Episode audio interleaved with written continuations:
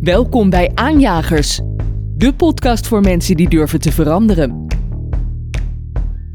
Iedere aflevering heeft Patrick Willer van Salesforce een echte aanjager te gast.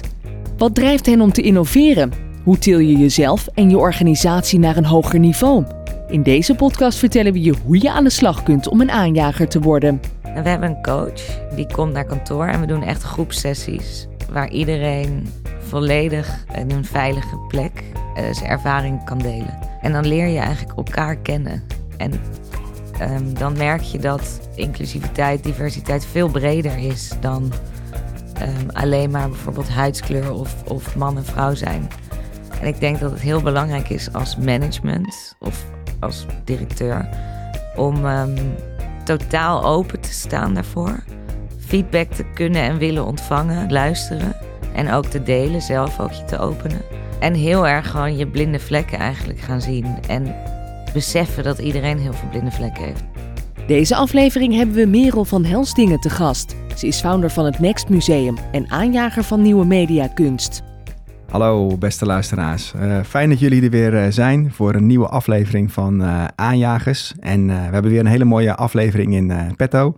En naast me zit weer mijn vaste wisselende sidekick, Bob Snoeren. Hoi. Hi Patrick. Ja, wat fijn dat je er bent. Ik, ik krijg van veel mensen de vraag, wie is Bob? Waar komt hij vandaan? Dus daar wilde ik toch, voordat we beginnen en onze gast introduceren, nog wel wat aandacht aan besteden. Hoe, hoe pakken we dat aan? Heb jij iets uit jezelf wat je ja, aan de wereld wil vertellen? Om jou te, ja, kijk, je kan natuurlijk zeggen van ja, ik heb deze en deze rol, maar ik wil echt weten wie Bob als persoon is natuurlijk. Dat is een, dat is een, uh, dat is een hele brede vraag, Patrick. Ja. Maar, maar leuk in ieder geval dat, dat mensen daar iets meer over willen weten. nou, we zijn allebei collega's van elkaar bij Salesforce. Um, maar daarnaast um, ben ik ook vader van twee, twee prachtige dochters. Um, en ik heb gewoon een, een, heel prettig gezin. Ik woon in, in Gorkum, dus dat zijn eventjes de, de basisdingen. maar ik ben vooral geïnteresseerd eigenlijk in alles wat er om me gebeurt. en om die informatie daar een beetje in bij te houden, luister ik dus ook heel veel naar podcasts op verschillende vlakken. en in die hoedanigheid zijn wij met elkaar in gesprek gekomen. En heb ik ook um, ja, uh, met jou gesproken over hoe kun je een podcast bijvoorbeeld opzetten? Wat, wat zijn de gasten die je zou kunnen uitnodigen? En zo zijn we eigenlijk een beetje erin gerold dat ik, dat ik uiteindelijk hier zit. eigenlijk uit pure interesse voor, voor onze gasten en, en om weer nieuwe informatie te absorberen om om een aanjager te worden. Ja, superleuk. Nou ja, te worden. Je bent het eigenlijk. Ja, eigenlijk ben ik wel een ja, beetje. precies. Ja.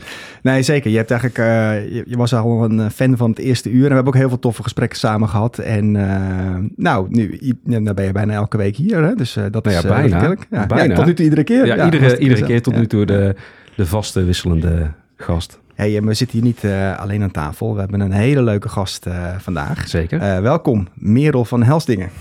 Hi, leuk dat ik er ben. Ja, wat leuk. Ik zal je even introduceren, Merel. Want uh, de reden dat we je uitgenodigd hebben, ik vind dat jij iets heel iets bijzonders hebt gedaan. Je hebt een, uh, het eerste museum in Nederland voor uh, media art eigenlijk geïntroduceerd.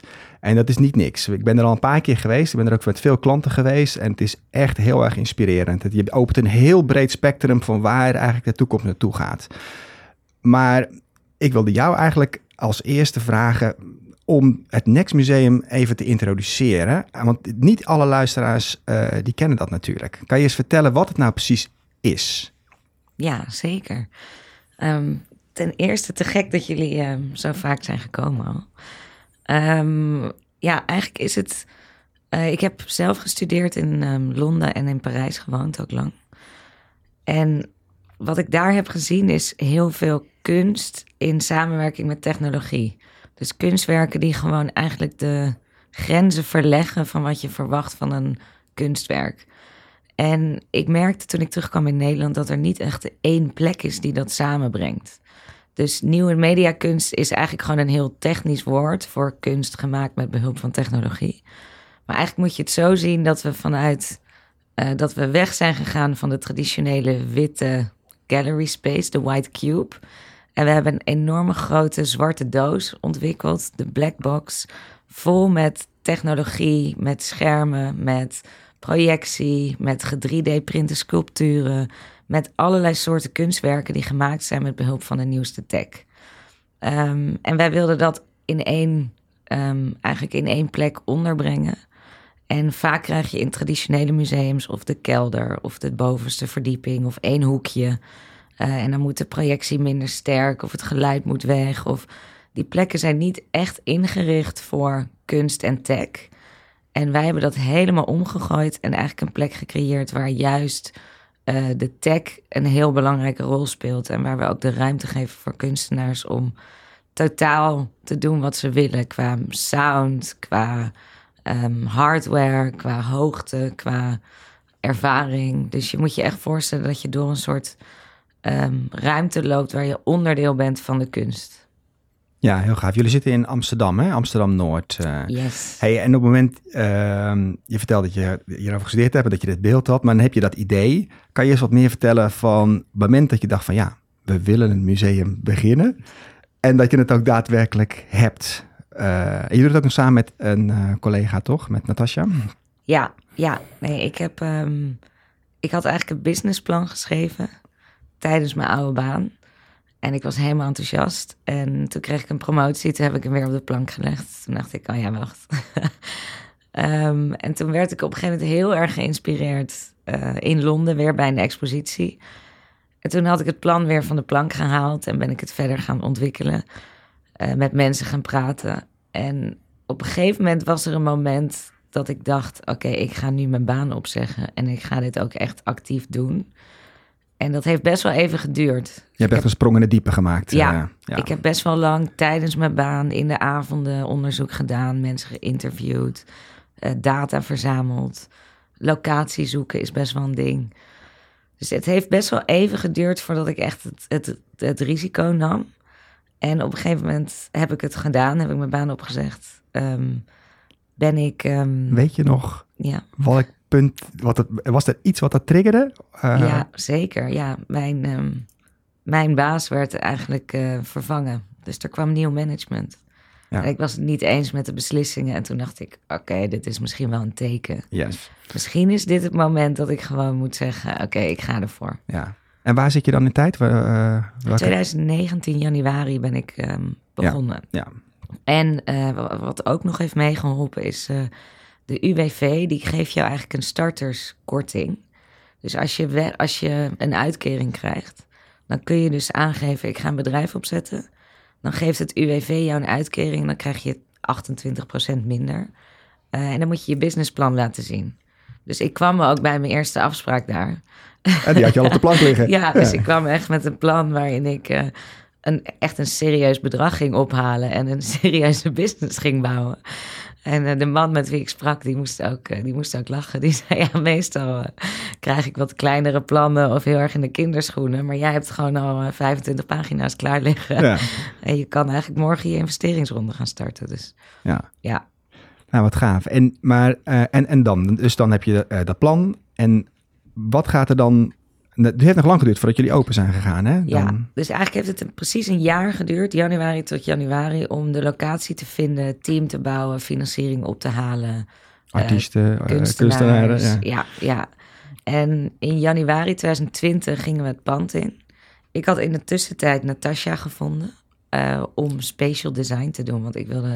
Ah, het was, ja. ah jullie hebben elkaar pas later uh, eigenlijk ja, gevonden. Ja. ja, ik heb haar gevonden. Ik heb haar uit mijn eigen um, uitkering, heb ik haar een salaris betaald. Want ik dacht, ik moet haar hebben. Um, maar de financiering was nog niet rond.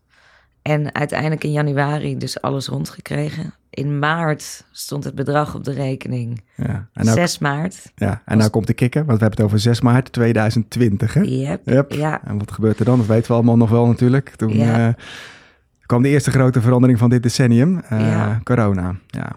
Ja, en we hadden, de verbouwing was eigenlijk begonnen. Dus alle spullen waren geleverd om de wanden te bouwen, de akoestische afwerkingen, vloeren.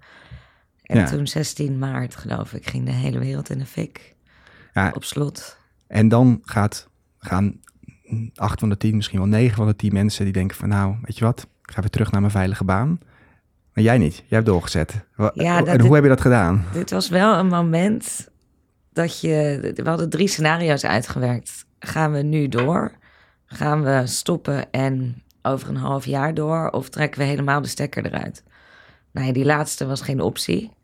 Ehm, ook omdat we dit pand natuurlijk lange tijd hadden gehuurd en ik, wilde gewoon dit, dit neerzetten. Uh, kunstenaarscontracten waren er. Kunstenaars waren al begonnen met het maken van de werken.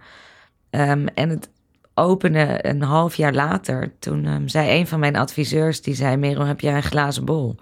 Want hoe weet je nou dat het in januari voorbij is? Want iedereen dacht, ja, dit duurt een paar maanden en dan... Uh, ja. En toen dachten we, ja, nee, je hebt, je hebt eigenlijk helemaal gelijk. En uiteindelijk heeft het twee jaar geduurd. Dus wij zijn door gaan bouwen en hebben gezegd, we gaan gewoon zo snel mogelijk open. Um, wel vertraging opgelopen. Maar de mensen die de muren, de wanden, die het helemaal hebben opgebouwd, die zeiden: um, Al komt er een lockdown, al moeten we hier blijven slapen, we gaan dit afmaken, we leggen hier matrassen neer. We willen gewoon dit uh, neerzetten voor jullie. Ja. Dus die zijn echt dedicated blijven bouwen tijdens de, ja, echt de, de lockdown. En ik kan me ook voorstellen dat je Um, uh, als je uh, je omringt ook met, met kunstenaars of met creatieve mensen. Um, zijn er tijdens de, de bouw ook creatieve ideeën geweest om juist open te kunnen gedurende corona? Dat je, ehm, dat je in die periode samen ideeën daarin, daarin hebt ontwikkeld? Ja, ik denk um, qua flow en user journey eigenlijk in het pand hadden we hem wel al redelijk ingericht op één richtingsverkeer en timeslots. Een route. Ja, maar door COVID werd dat eigenlijk een soort uh, verplichting. Ja. Dus dat hebben we veel beter uit kunnen werken. Ook met capaciteit. Hoeveel mensen kan je per ruimte kwijt? Hoe kunnen we dat nog opschalen? Maar ik denk het belangrijkste was echt business-wise. Dus omdat COVID er al was, heb ik hele andere contracten kunnen maken met partners. Dus waar een, um, een ander museum een, een contract heeft waar je betaalt voor de hardware die je huurt, je personeel kon ik in elk contract een COVID-clausule inbouwen. Dus zodra er een lockdown komt, wil ik een freeze op alle payments. Of wil ik mijn personeel terugschalen. En alle contracten werden nul uren contracten in plaats van um, gewoon 40 uur. Dus ik, ik heb vooral op financieel vlak in die lockdowns enorm veel kosten kunnen besparen. Omdat we konden anticiperen dat dit er eventueel aankwam. En ik, ik denk dat we daar echt een hele grote winst hebben kunnen pakken. Ja, en ja. zie nog wel een. Uh, kijk, corona is natuurlijk een groot nadeel, maar er zitten ook wel wat voordelen aan. In de zin dat die hele wereld opeens onder druk vijf jaar naar voren werd gecatapulteerd in het omarmen van bepaalde technologische middelen. Hè. Niemand wist wat Zoom was en nu weet iedereen wat, uh, wat Zoom is. Uh, waardoor de dingen die jij op display zet eigenlijk ook ja, veel meer mensen er eerder ontvankelijk voor zijn. ja. Herken je dat? Zeker. Ik zeg wel eens dat het uh, de slechtste periode was in history om een plek op te zetten afhankelijk van fysieke bezoekers. Maar het was de, het beste moment ooit om een museum op te zetten voor digitale kunst. Ja, ja. Want de hele nieuwe mediakunstwereld is geëxplodeerd. Is in, in een stroomversnelling een hele serieuze speler geworden in de kunstwereld van NFT's, dus door NFT-technologie, ja. um, zijn eigenlijk grote instituten ook kunst gaan verzamelen. Zijn er veel meer makers gekomen. Die zaten thuis achter hun computer, die confined to their um, space. Ja. Ja, we zijn allemaal wat meer die metaverse ingeduwd, ja. of we nou wilden of niet. Ja. Nu zie je wel weer een beetje een trend terug. Hè? Uh, NFT's gaan ook uh, qua waarde en qua nieuws uh, st een stukje naar beneden. Um, wat vind je daarvan? Was het, was het even een hype? Komt het weer, uh, komt het weer terug? Of uh, gaan we door corona nu juist weer wat uh, meer, meer afstand nemen van dat concept van metaverse? Ja, ik denk NFT qua technologie um, was zeker een hype. Um, en dat is ook heel logisch. Maar de technologie blijft, denk ik. Ja. Dus, dus de, de, compleet uit de hand gelopen opgeblazen waardering van, van de PFP's en plaatjes en collectibles. Absolute hype. Um, er is ook een soort curve. Uh, ja, je hebt een hype curve nieuwe... eigenlijk. Hè? Precies, ja, ja. ja, en dat is eigenlijk heel logisch. Dus nu gaat het naar beneden. En daarna stabiliseert hij en komt hij weer eigenlijk ja, tot normaal tot stand voor een goede marktwerking. Maar als ik nu kijk, is het heel goed dat het eigenlijk helemaal op zijn gat ligt. Uh, omdat het eigenlijk voor fine art nu veel meer een podium geeft om serieus genomen te worden.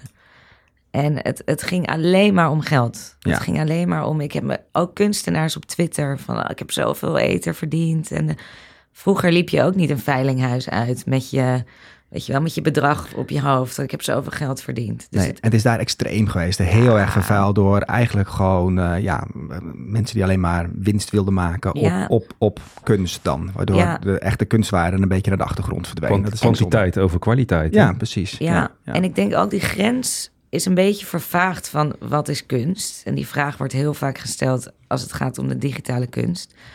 En heel veel mensen zien artikelen met een uh, board ape of een uh, Azuki of noem maar op. En die denken, ja, dit is toch helemaal geen kunst, dit zijn een paar plaatjes. Ja. En ik denk dat die, die shift nu veel duidelijker wordt. Want de kunst die nu goed verkoopt als NFT, dat is generative art. En dat is eigenlijk kunst gemaakt met computertechnologie. Ja. Die eigenlijk alleen op de blockchain verkocht kan worden. En vaak ook nog kunstwerken die beïnvloed worden door het smart contract. Wil je uitleggen waarom het alleen maar op de blockchain gemaakt kan worden? Je kan toch ook een hele mooie kunstwerk maken, niet op de blockchain plaatsen en wel via blockchain technologie verkopen? Ja, absoluut. Ja, ja, ja. Maar je hoeft er niet mee te genereren. Nee, maar wat er nu vaak gebeurt is dat je in je smart contract worden allerlei uh, waarden toegekend aan het werk. Dus elke keer als het doorverkocht wordt, verandert het werk bijvoorbeeld. Of ik heb één kunstwerk gekocht van Harm van den Dorpel. En die heeft allerlei um, karaktereigenschappen. Dus die is ja. anxious en uh, sommige zijn rustig, sommige zijn agressief of uh, mooi, uh, rustig. En dat werk verandert zoveel keer per jaar van kleur, van vorm. Maar dat is gecodeerd in die blockchain. Ik vind dat heel erg Dus- vet. ja. ja, want ik heb al best wel wat leuke digitale art voorbij zien komen. Maar wat ik er zo gaaf van vind, dat het continu kan veranderen. Ik heb ook dingen gezien dat je op het moment van de dag dat je ernaar keek, Ja. dat het aanpaste. Of dat het zich aanpast aan wie er naar kijkt. Ja. Maar deze variant die jij nu noemt, die kende ik nog niet. Dus iedere keer als het zich verhandelt, een andere transactie krijgt op de blockchain, dan verandert er weer wat in het kunstwerk Ja. zelf. Ja, dat is heel gaaf. Ja, je hebt er één die, die, die eh, hoe zeg je dat in het Nederlands?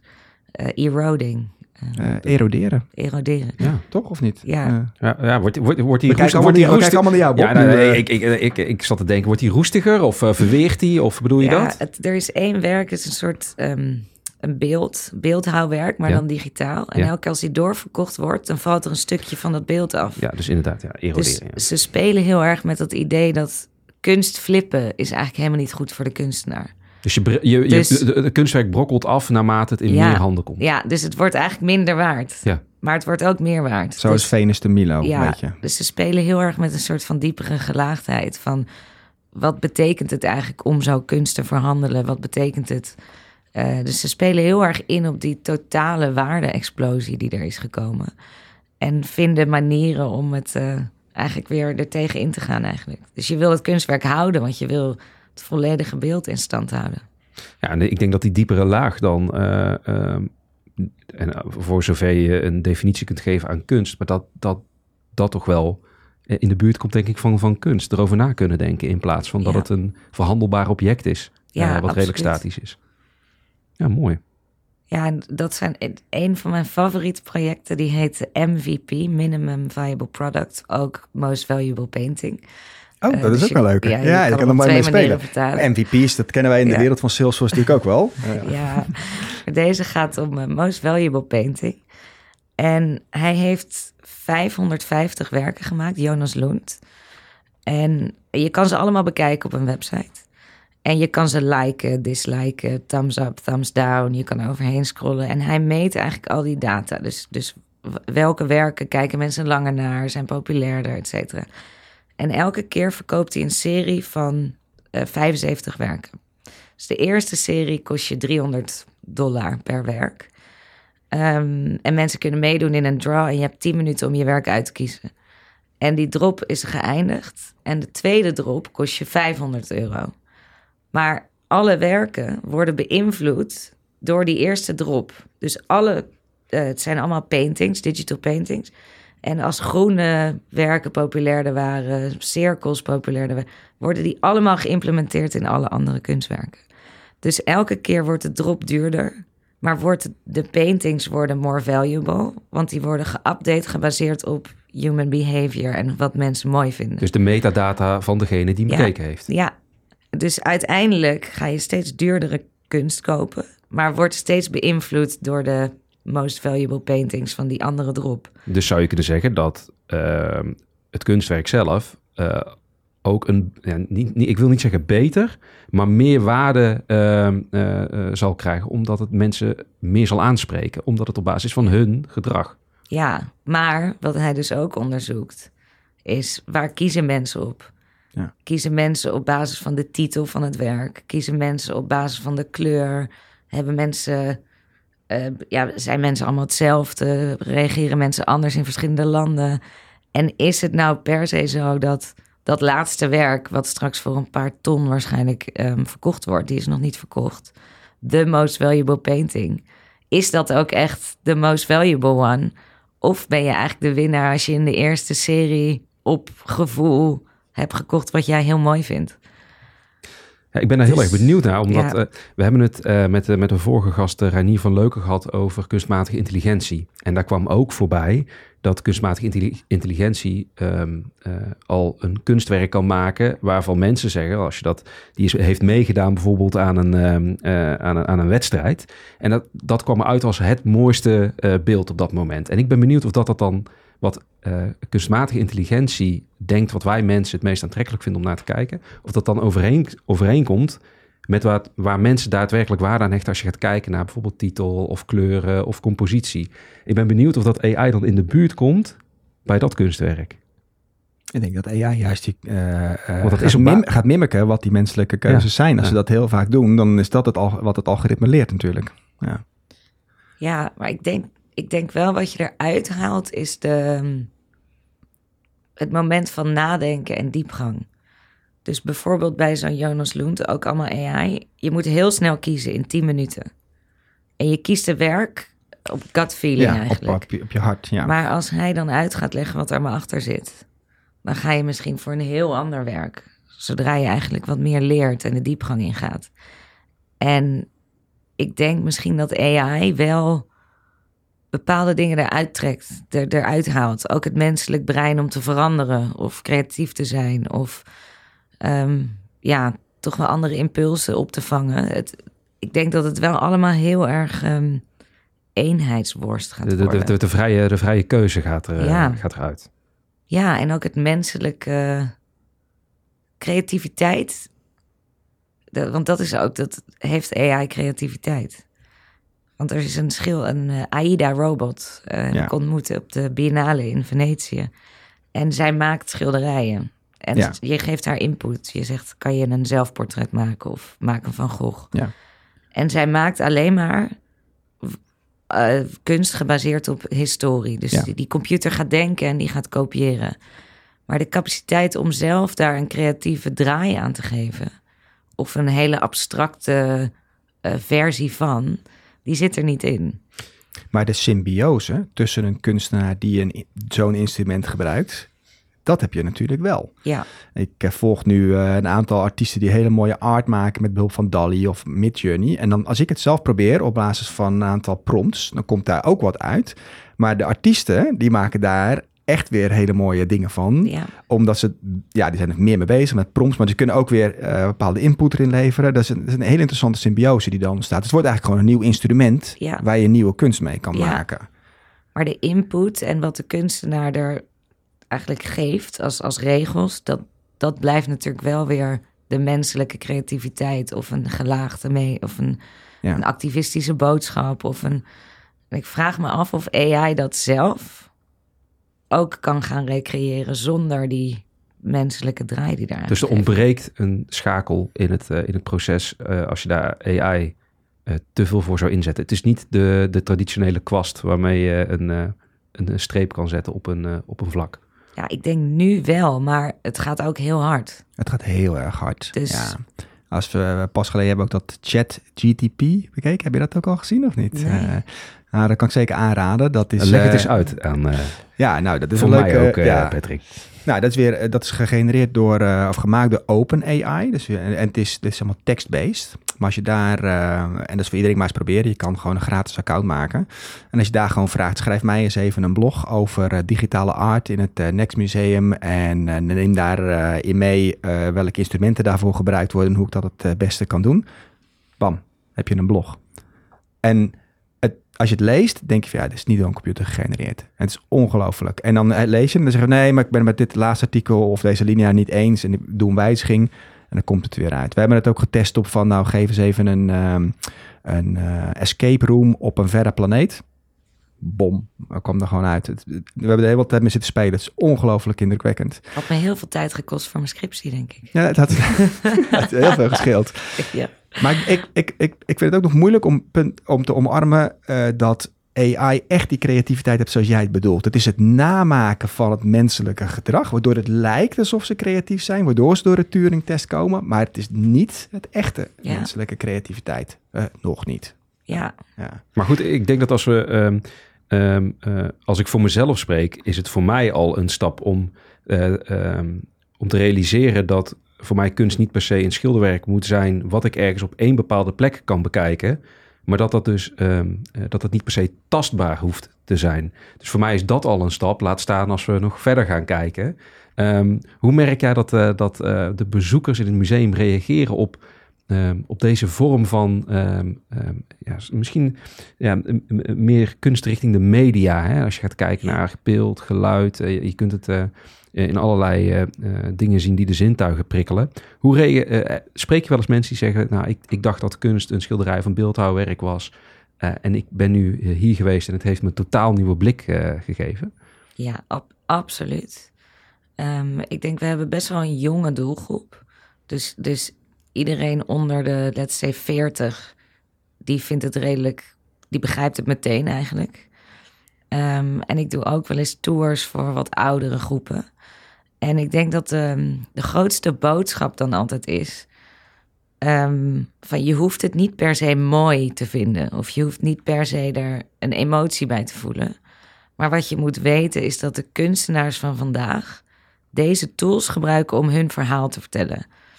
En één kunstenaar, Lou Yang, die gebruikt gaming technologie. Die maakt eigenlijk computergames.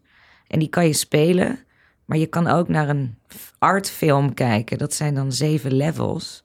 Waarin je naar de hemel gaat, naar de hel. En allerlei vragen stelt over uh, waarom zijn er maagden in de hemel? Waarom zijn die vrouwelijk? Uh, wat als ik eigenlijk geen vrouwelijke maagd zou willen zien? Uh, en ja, allerlei vragen over de binaire verdeling. Waarom heeft een skelet geen genitals? Hoe moet je je dan gedragen? Dus, maar aan de hand van een computergame waar die zichzelf in tracking suit eigenlijk opneemt en door zijn eigen levels heen loopt. En hij heeft alle awards gewonnen net. Uh, Best New Media Artist of the Year, beste expositie in Londen. En sommige mensen vinden het heel heftig, want je zit in een soort game room en er hangt een enorm hoofd boven je, wat zijn eigen afgehakte hoofd is, die in zijn nachtmerries naar boven kwam. Je kan gamen, je kijkt een artfilm, veel geluiden, veel beetje manga-achtig. Dus sommige mensen lopen er heel snel doorheen. Maar ik denk dat de enige boodschap is van dit is wat de makers van vandaag gebruiken om hun trauma te verwerken, verhaal vertellen, activistische boodschap over te brengen. Um, en, en dat vind ik echt fascinerend om te zien. Dat er gewoon zo'n shift is gekomen in gewoon die, die kunstenaars. Die zitten gewoon achter een computer te developen. En sommige werken hebben vijf jaar geduurd. Zelf muziek maken, zichzelf opnemen, eigen facial movements tracken en dat implementeren in een avatar. Het is echt waanzinnig wat er gebeurt. En dat is ook de reden dat we daar uh, soms klanten mee naartoe nemen. Uh, om, om dat te laten zien. Maar ook te laten zien hoe gemakkelijk inderdaad de jongere generatie ja, dit wil, dit ziet en in die wereld leeft. Zou ik maar zeggen dat er ook een heel nieuw spectrum aan channels komt. Uh, waar je uh, ook commerciële activiteit in kan ontplooien. Uh, dat is voor alle bedrijven natuurlijk heel interessant. wat er gebeurt in de metaverse, wat je kan doen in augmented reality, wat je kan doen met virtual reality. Als je dat al wil, wil proeven waar dat heen gaat, dan is het Next Museum een hele mooie plek om dat te ervaren. Echt, echt, echt te voelen. Waarin je eigenlijk niet laat beperken door, door hetgeen als, als normaal wordt ervaren in, die, in de kunstwereld. Ja. ja. Maar we hebben ook bijvoorbeeld een 3D-print sculptuur. Dus we hebben nog wel fysieke objecten ook, maar dat is wel gemaakt met CGI-software, helemaal ontwikkeld qua kleur, qua materiaal. En daar heeft ze volgens mij een half jaar over gedaan. Dus twee meter breed, drie meter hoog. Een soort futuristisch sculptuur. En het lijkt augmented reality, maar is het echt? Is het niet echt? En dat is gemaakt met dezelfde software als digital fashion. Maar zij print het en creëert echt een fysieke gelaagdheid.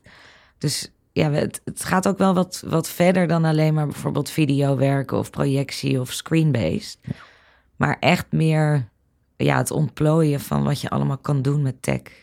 En ehm, eh, hoe zorg je ervoor dat in, uh, in de gesprekken met de kunstenaars dat je ze ehm, ook de ruimte uh, biedt of het materiaal biedt om dat zo goed mogelijk tot een recht te laten komen? Hè? Want je had het er al over bij het opzetten ehm, van het museum, bij het bouwen, dat je al nagedacht had over, over geluid bijvoorbeeld.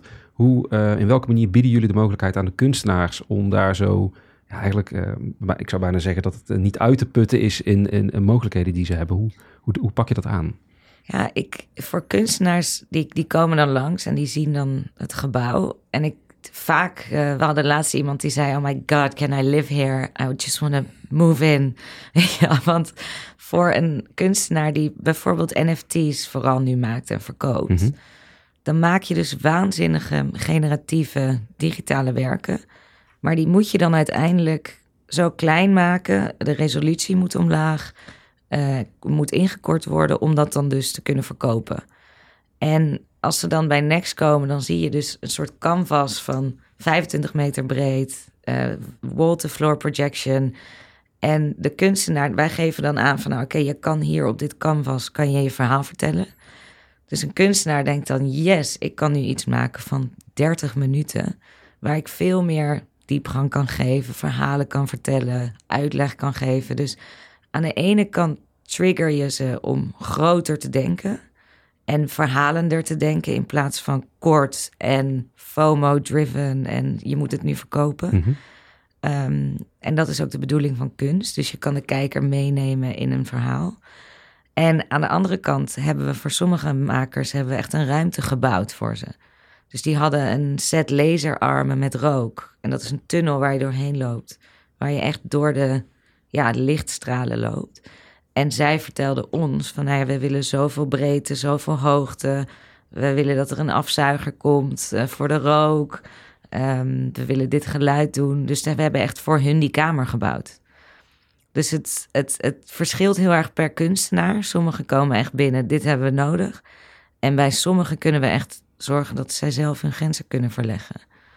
Dat is best, uh, dat is best bijzonder. Het is, het is geen haakje aan de muur met een, met een spotje erop. Ja. Je gaat veel en veel verder. En ik denk ook niet dat het Rijksmuseum uh, zou zeggen van nou, hey, pak deze ruimte maar en uh, vertel me wat je ermee wil gaan doen. ja, ik ben wel benieuwd wat de ruimte is van de toekomst. Nou ja, precies. Ja, want dit is natuurlijk nu, maar ik denk dat het misschien helemaal geen fysieke ruimte meer is straks. Nou, ik, ik zat me dat net af te vragen. Uh, je hebt natuurlijk nog, ja, wat jij dan de black box noemt, die locatie waar het zich plaatst, maar het is ook allemaal digitaal. Dus je kan natuurlijk heel makkelijk, veel makkelijker dan het Rijksmuseum, de kunst naar mensen toebrengen. Of op pop-up situaties doen. Uh, echt letterlijk connected over de wereld doen. Mensen van een afstand kunnen beïnvloeden. Uh, ja, terwijl wat het Rijksmuseum hangt, ja, dat hangt daar dan maar gewoon. Ja. Uh, heb je plannen in die richting? Gaat daar wat, uh, gaan dingen het, uh, de black box verlaten? Ik zie al lachen, dus het antwoord wordt is dit, al wordt, ja. dit, wordt dit een scoop? Zeker, ja. Ik denk, wij hoeven niet een schilderij te filmen met je 360 camera en dan een soort ja, museumervaring creëren in een virtual world. Want alles is al digitaal. Ja. Dus um, zeker ben ik geïnteresseerd in echt wel een plek creëren in one of the metaverses. Om daar die kunst te kunnen bekijken. En ik denk wat nog interessanter bijna is, is hoe zorg je nou dat je fysieke ervaring en je digitale ervaring elkaar aanvullen. En ik denk dat dat eigenlijk het belangrijkste is. En ik heb nog niet echt gezien wie dat nou echt heel goed heeft gedaan.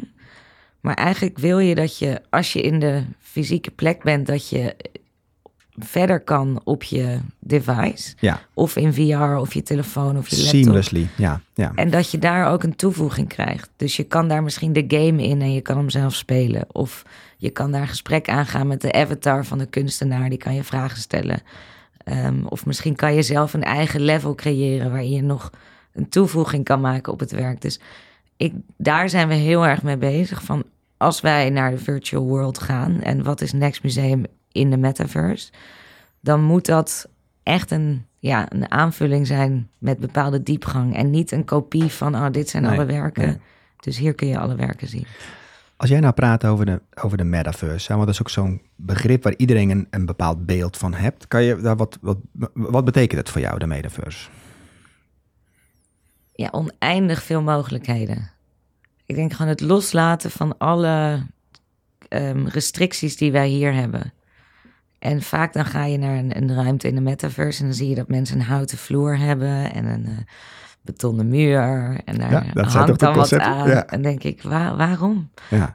Why? Er is geen... eh, De meeste art galleries daar zijn inderdaad gewoon, die zien eruit als de, een gewone gallery. En dan Ja. ja, Ja, dus wij gaan, we hebben wel net een ehm, virtual gallery, maar deze is nog in Web 2 gemaakt waar je NFT's kan kopen eh, van de tentoonstelling. Dus dat is eigenlijk je nieuwe soort merchandising. Ja. Eh, dus sommige mensen nemen een poster mee naar huis, maar nu kan je ook een NFT kopen. En dat is al een virtuele gallery die we hebben gemaakt, omdat ik geloof in iets meer context dan alleen maar een eh, pagina met, met plaatjes of video's en een prijs. Ehm, maar die is nog niet in Web 3.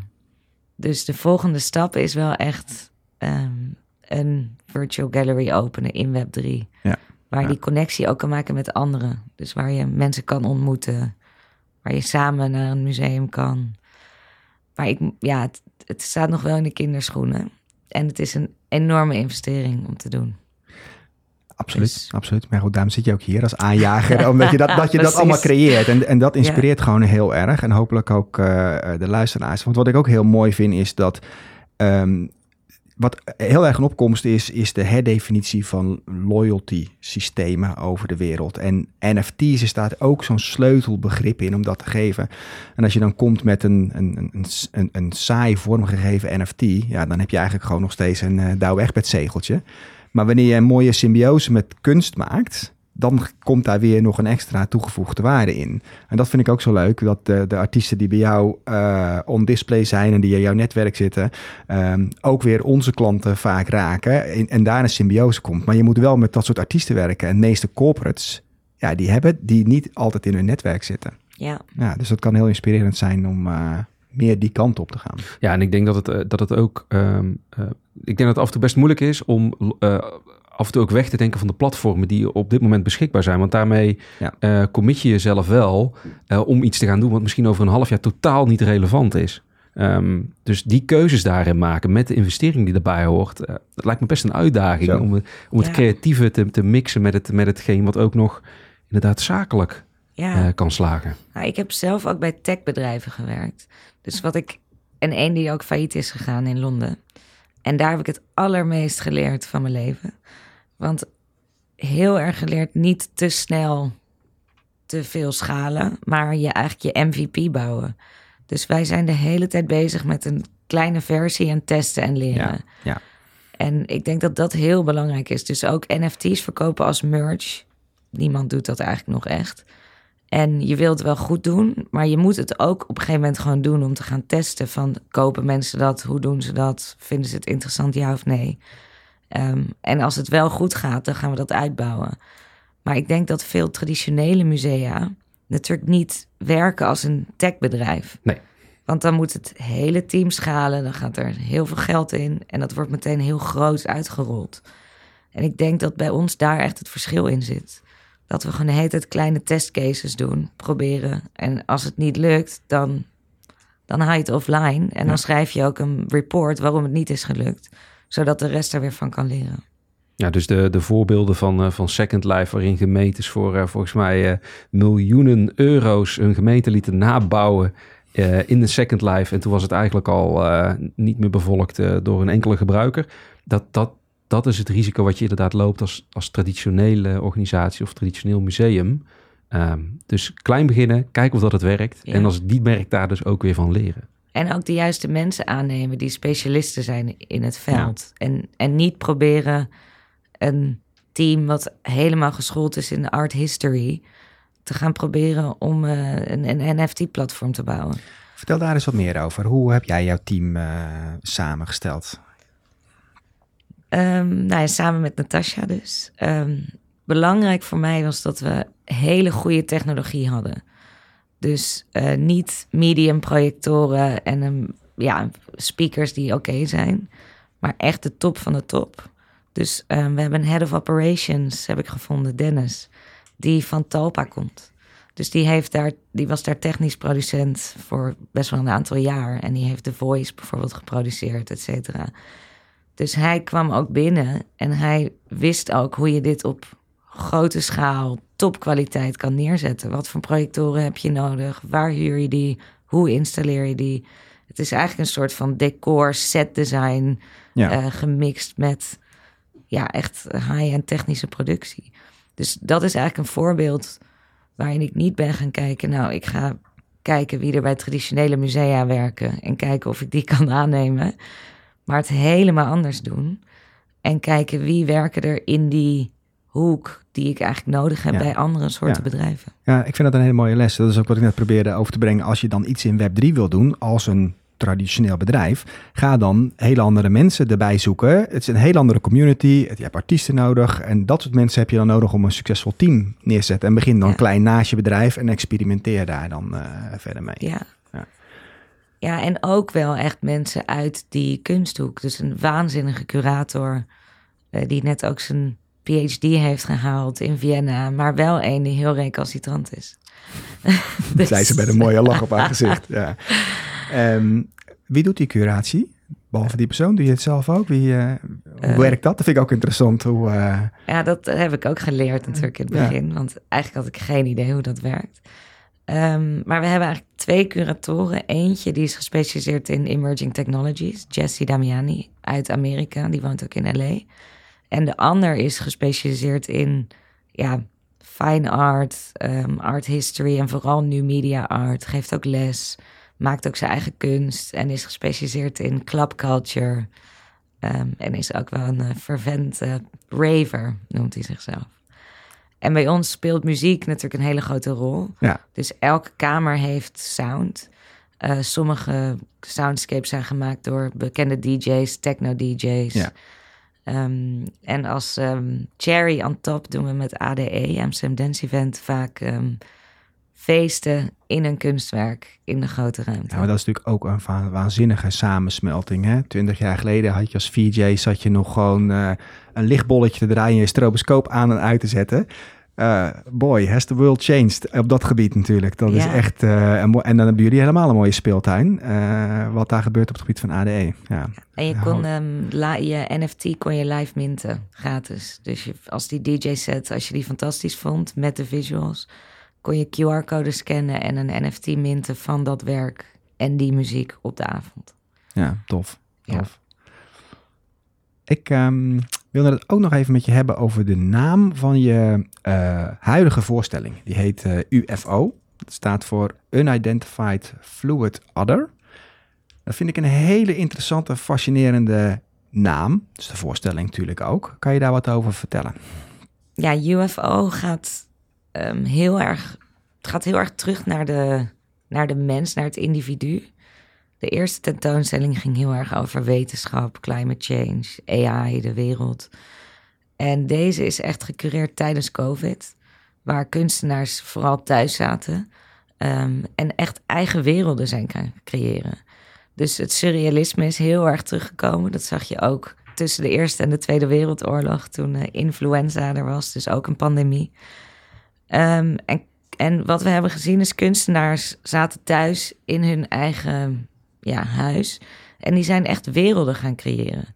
En avatars gaan creëren. En eh, ja, bepaalde werelden waar je dus eh, kan reflecteren op wie je bent. Maar ook iemand kan worden die je misschien in de echte wereld niet kan zijn. Nee. Dus eh, ja, eigenlijk gaat elk kunstwerk best wel in op die ja, wie, wie ben je en wie kan je zijn? Dus ehm, er is bijvoorbeeld een, een, een, kunstenaar die is ge, uh, heeft transitie gemaakt van vrouw naar man. Komt uit een uh, boeddhistisch gezin. En heeft dus door computergame technologie een wereld gecreëerd waar dus het man of vrouw zijn niet zo belangrijk is. En waar je niet bekeken wordt als. Um, ja. Ik vind de woorden die je ervoor kiest heel erg leuk. Want fluid is inderdaad van ja, je bent op zoek naar al die verschillende identiteiten. Maar je noemt het ook other. Dus gaat het nou juist om de andermans identiteit die je respecteert en herkent dat die fluide is? Of gaat het toch om je eigen identiteit die, die heel fluide is? Uh... Het gaat denk ik heel erg om beide. En de bedoeling is dat, of althans de bedoeling, wat, wat je veel merkt, is dat mensen door het ontdekken van others, en die other die leeft op een, in een virtuele wereld en misschien niet hier op de aarde. Maar daardoor ga je ook weer naar jezelf kijken. Dus wie je zelf bent, wie je zelf kan zijn. En misschien dat je bepaalde grenzen kan doorbreken in die virtuele wereld. Dus door je bijvoorbeeld aan te kleden met digital fashion of door een avatar te ontwikkelen die misschien dierlijke kenmerken heeft, mannelijke kenmerken, vrouwelijke kenmerken, verschillende talen spreekt, terwijl je eigenlijk misschien thuis op de bank helemaal niet goed in je vel zit of niet kan zijn wie je wil zijn. En dat kan je nou juist zo heel erg mooi in die digitale wereld kan je eigenlijk elke identiteit aanmeten, meespelen, voor gewaardeerd worden. En dat is een heel breed spectrum natuurlijk. Ja. Ook een spectrum wat ook verwarrend kan zijn voor mensen. Het leven was 500 jaar geleden zo makkelijk als boer. Je was je hele leven boer. Nu is het al druk. Dan gaan we de metaverse in en heb je zo'n zo'n enorm spectrum aan potentiële identiteiten. Waar je ook een beetje verdwaald in kan raken. Ja, verdwaald kan raken, maar veel wordt ook echt gemaakt. Dus een voorbeeld, je, je kan verdwaald raken in de keuzes van avatars die je nu kan kiezen. Ja. Maar eigenlijk is het nog heel erg standaard. Dus de reden dat Harriet Davy een non-binair dierlijk avatar heeft gemaakt, is omdat het standaard pakket was stereotype man, stereotype vrouw. Als je een zwarte avatar wil, dan moet je bijbetalen. Um, dus de, het is nog heel erg traditioneel eigenlijk. Ja. En het gaat denk ik ook om wat je zelf kan creëren daarin. En wat er tot nu toe aan aanbod is, is, is nog best wel traditioneel. Ja, wat we ook al zien is dat uh, heel veel applicaties een bepaalde avatar inderdaad maken. Dat je heel weinig opties hebt. Soms niet eens inclusive opties. We hebben ook een situatie gehad dat wij een eigen platform hadden. En dat mensen gevraagd hadden van nou, ik wil bijvoorbeeld een tulband hebben of een andere representatie omdat ik het echt ook zo ben. En dat is daar niet eens. En Merel gaat nog veel verder dan dat. Die, die, die, ja, die wil eigenlijk al die grenzen loslaten en jezelf ook alle mogelijkheid geven om veel meer te kunnen creëren in wie of wat je kan zijn. Uh, man, vrouw, tussen, dierlijk, uh, andere kleuren, dat is allemaal mogelijk. Nou, zit, er zit, uh, we zitten denk ik in een hele bijzondere periode waarin dat de techniek de mogelijkheid geeft uh, om dat terrein nu te gaan verkennen. En ook om te kijken van, lopen we tegen grenzen aan? Uh, bestaan er überhaupt wel grenzen? En dat is natuurlijk een natuurlijk proces, een sociaal proces, waarvan je nu ziet van welke kant gaat het, gaat het op. En ik denk dat je daar ehm, de kans biedt aan, aan kunstenaars om, om dat te uiten en andere mensen ook te laten ervaren van, denk even weg uit die traditie. Um, want we zitten midden in die, in die overgang. Waar gaan we naartoe? En dat maakt het wel heel erg spannend. Um, niet alleen als je gaat kijken naar wat uh, willen mensen, maar als je het gaat hebben over uh, het internet. Um, uh, wat is jouw identiteit? En ook kun jij verantwoordelijk gehouden worden voor bijvoorbeeld je daden die je digitaal uitvoert? Of zit daar nog een verschil met de fysieke wereld? Want dat zijn ook allemaal vraagstukken. Hè? Waar, waar houdt het op?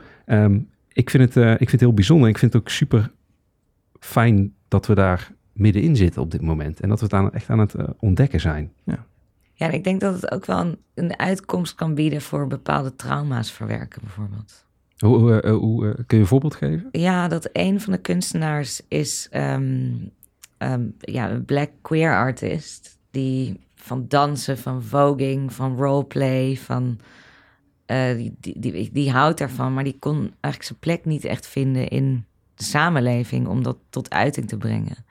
Dus hij is dat ook gaan opnemen en heeft zichzelf ook geprojecteerd in zijn eigen werk op verschillende locaties, in verschillende werelden. En dus ook zichzelf weer opgenomen in een tracking suit en in een club geplaatst of op vliegende discoballen. Um, Dus, dus ergens heeft hij eigenlijk die droom tot uiting gebracht in de digitale wereld. Maar daardoor is hij in de echte wereld veel meer zichzelf gaan ontplooien en zichzelf geworden. En durfde ook meer te laten zien wie hij was als danser, als maker. Dus het is heel interessant hoe je die switch kan maken. Dat je niet alleen maar in die digitale wereld blijft hangen. Maar dat je dus zelfvertrouwen krijgt in de, in de let's say, echte wereld of in de fysieke wereld. Om dus meer jezelf te gaan ontdekken. Dus dat die grenzen ook vervagen. Hè? Dus dat het elkaar versterkt. Ja. Dat je het mee kunt nemen in alle twee werelden. Ja, of misschien mooi. wel in één wereld laten. Hè? Dat, dat, ja, wat, wat je wil. wat is de echte wereld? Precies. Ah, nou komen, we, nou komen we op de echte discussie. Wat is, Maar het is natuurlijk ook doodeng dat straks, ehm, wat is het, 25% van de mensheid gaat zich eh, begeven in de metaverse in 2026 al. Om te shoppen, om mensen te ontmoeten, te gamen, te leven, te leren. Ja. Dus ja, hoe, hoe, zitten we er dan bij? Ja, je hoeft eh, de aarde niet te verlaten om, een, eh, om in een nieuwe wereld eh, eh, te belanden. En ik denk dat, eh, dat dat de grote uitdaging gaat worden voor iedereen. Het is nu al zo omnipresent. Ik schrik niet van die stat. En ik zie eigenlijk die, die, dit traject daar naartoe vrij logisch zich ontvouwen. Dat het in een paar jaar nog, eh, nog veel meer omnipresent. Zeker als augmented reality eh, zijn intrede doet. En wij continu nog meer digitale data eh, met ons meedragen. We hadden gisteren een hele creatieve sessie. En we moesten een aantal creatieve opdrachten doen. En je zag dat de meeste mensen op het moment dat je ze een, een ideation opdracht vragen hun laptop of hun telefoon erbij pakken en geassisteerd door Google eh, een idee-generatie hebben. En dat het, eh, dat het lastig is om het alleen maar... Dus dat, dat die symbiose met die systemen en die technieken, die is evident. Ja. En dat is voor mij ook al metaverse eigenlijk, dat je op die manier zo omnipresent bent. Je hoeft niet per se in Rec of in eh Decentraland te zitten en, en dat te capture als metaverse. Metaverse is nog veel breder dan dat. Sterker nog, dat zijn maar voorlopers die mensen misschien op het verkeerde been zetten, wat de metaverse zou kunnen zijn. Ja, ik, ik denk dat het eh metaverse heel gestuurd is door ehm, welke organisatie welk platform aanbiedt. Ehm, en ik denk dat dat ook wel een beperking is.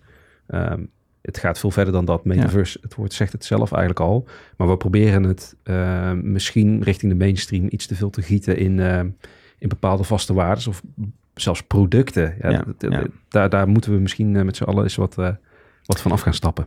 Merel, waar ik ook benieuwd naar ben. Heb jij zelf een, eh, een mentor of een voorbeeldfunctie wat jou inspireert om te doen wat jij doet? Ja, ik heb zeker verschillende mentoren eigenlijk wel. Ehm, aan de ene kant vanuit de ondernemershoek, maar ook vanuit de kunsthoek, ook vanuit muziek. Ehm, en die zijn heel belangrijk, ook voor de toekomst. Ehm, En wa- wat, wat, eh, noem eens iets wat, je, waar je, wat ze jou geven, wat je echt denkt van ja, wauw, dat, eh, dat mis ik, hoe ze je aanvullen.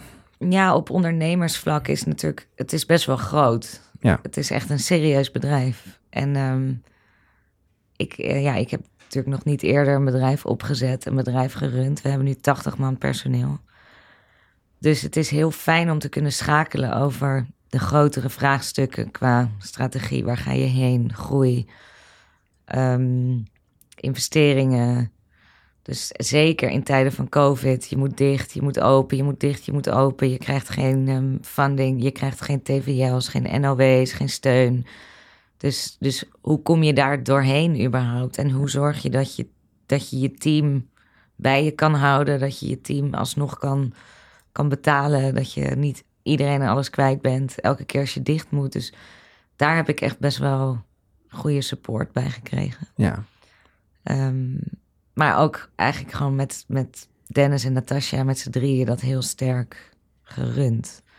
En altijd met een hele sterke visie. Ehm, en dat is altijd laten zien wat is, en onderzoeken van wat is de kunst van de toekomst, wat is het bedrijf van de toekomst. Ehm, hoe behandel je je personeel? Hoe zet je al je, je staff guides, je personnel guides ook op een toekomstige manier op? ja. En daar hebben we dus bijvoorbeeld allerlei diversiteits- en inclusiviteitstrainingen gedaan. Ehm how do you write job specs eh, die inclusief zijn? Ja, hoe creëer je eigenlijk ja, een bedrijfscultuur waar iedereen zich welkom voelt? Ehm, dus ja, dat soort zaken zijn heel belangrijk geweest. En daar heb ik ook echt wel advies over gekregen. En ja, als je dingen anders wil doen, dan moet je toch ook gewoon heel veel risico nemen. Ja, dat moet je ook gewoon doen. En, Uh, uh, je triggert wel meteen wat, want heel veel van de luisteraars die, uh, die worstelen denk ik met de vraag hoe je die inclusiviteit kan bevorderen. En jij doet dat, ja, doet het goed. Je hebt zelf ook advies gegeven. Zou je dat advies ook nog kunnen vertalen voor de luisteraar? Hoe, hoe kan je een inclusieve jobspec of op een andere manier dat, uh, dat doen? Hoe pakken jullie dat aan? En we hebben een coach, um, die komt naar kantoor en we doen echt groepsessies waar iedereen volledig in een veilige plek uh, zijn ervaring kan delen. Dus iedereen in de groep kan aangeven hoe je zelf wel eens um, gemarginaliseerd bent, racistisch bent behandeld, um, in een uh, vervelende positie hebt gezeten omdat je anders bent dan anderen. En dan leer je eigenlijk elkaar kennen. En um, dan merk je dat inclusiviteit, diversiteit veel breder is dan um, alleen maar bijvoorbeeld huidskleur of, of man en vrouw zijn. Ja. Um, en dat doe je aan de hand van werkgroepen, sessies, waar het lachen, huilen, redelijk emotioneel. En ik denk dat het heel belangrijk is als management of als directeur om totaal open te staan daarvoor. Feedback te kunnen en willen ontvangen, luisteren. En ook te delen, zelf ook je te openen. Um, en heel erg gewoon je blinde vlekken eigenlijk gaan zien. En ja. beseffen dat iedereen heel veel blinde vlekken heeft. Dus ja. als het gaat om een jobspec, hadden wij voor een uh, internship positie, een stageplek, hadden wij bijvoorbeeld zeven bullet points. Ex exceptional uh, in Dutch en English. Proven structural skills. Um, we hadden een soort van superpower beschreven, die ja. heel goed was in alles. En toen zei ze, ja, dit is, dit is een stagerol. Je zoekt iemand die net afgestudeerd is of nog aan het studeren is, heeft nul werkervaring. Waarom zoek je iemand die highly results driven? En, en dan besef je dat je dit Ja. gewoon overneemt Ja. uit oude banen van andere websites. En dan ga je een beetje tweaken. En eigenlijk hebben we er nu van gemaakt, someone who's open to learn. That's it. Ja, want ik vind het echt Dat een heel mooi inclusief, voorbeeld. Ja, ja. ja. ik vind het een heel mooi voorbeeld. En, eh, eh, nu heb je het eh, toegepast specifiek op een stageplek. Zou je dit toe kunnen passen ook op een, op een vastere positie? Ja, Tuurlijk. absoluut. Ja. Dat doen we nu bij alle jobspecs. Gaan we nu helemaal herschrijven, zijn we mee bezig. Je kan ook niet highly structured en entrepreneurial zijn at the same time. Nee, Ik bedoel, ja. dus we hadden gewoon eh totaal, totale blinde vlek. En je ziet dus heel vaak dat, ehm, dat deze jobspec... Ja, wat is jobspec ook in Nederland? Eh, eh, job description. Nee, wat jobspec. Eh vacature. Ja, thanks. Ja, je ziet dus ook online hoeveel vacatures gewoon eigenlijk copy-paste zijn van elkaar. Omdat, Ja. omdat je er geen tijd in stopt, omdat je er niet echt over nadenkt. En zodra je jezelf eens even in de schoenen plaatst van degene die dus die, die ehm, sollicitatie gaat doen, ja, dan gewoon het besef dat het totale onzin was. Het is niet mogelijk wat, er, Nee. wat erin stond. Nee. Dus Nou dit ja, is een klein voorbeeld. Maar, Ik denk als je, als je jezelf in je schoenen plaatst, dat je, dat je ging solliciteren voor je eerste job. Eigenlijk eh, ben je al aan het faken, want je kunt nooit voldoen aan al die voorwaarden. En dus eigenlijk vraag je toekomstige werkgever of dat jij, eh, die verlangt iets van jou wat al eigenlijk niet realistisch is. En jij moet eigenlijk faken dat jij het zeker allemaal kan, 110% gaat geven. En eh, zowel creatief bent als structureel eh, en eh, resultaatgedreven, maar ook makkelijk in de omgang. Ehm, ja, het is niet Het realistisch. is lekker van die, van die tegenpolen Ja, die je dat, dan moet dat, zijn. Ja. dat zijn van die, dus je, je moet eigenlijk het, het totaalmens zijn wat niemand is. En ik denk dat dat ook wel een, ehm, eh, een uitdaging is om inderdaad het klassieke denken los te laten. En eigenlijk open te staan voor iedereen die, ja, hoe zeg je dat, eager is. Die Ja, gewoon je zin moet heeft om te sterk gaan. in je schoenen staan om voor zo'n rol te gaan. En ik Ja. denk dat heel veel mensen al denken: dit is niet voor mij, want ik heb geen universitaire studie gedaan. Of, en eigenlijk willen wij juist mensen die misschien überhaupt niet hebben gestudeerd of van verschillende achtergronden. Dus ja, Hey, eh, nou, ik heb nog één laatste vraag voor je, Merel. Ehm, jij zet alle mensen om je heen aan het denken van wat is next? Maar wat is next voor Merel en het museum? Global expansion. Global expansion. There you go. Nee, Ja. ik denk, ja, ik heb heel veel gereisd, heel veel gezien.